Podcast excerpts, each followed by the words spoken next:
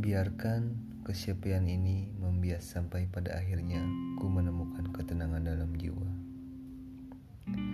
Tak ada rasa sesal yang begitu menderu, serta keterpaksaan untuk menciptakan sesuatu hal yang baru.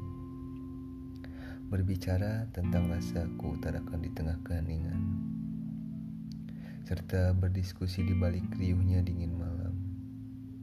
Senyap nada tanpa irama lalu membisu. Begitu juga aku berkawan dengan kesepian.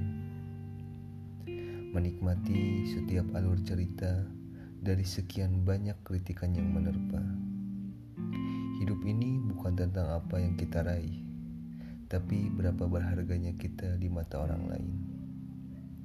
Jauh dari itu, kesepian ini mengajarkan tak ada rasa bahagia yang dilalui tanpa merasakan rasa sepi.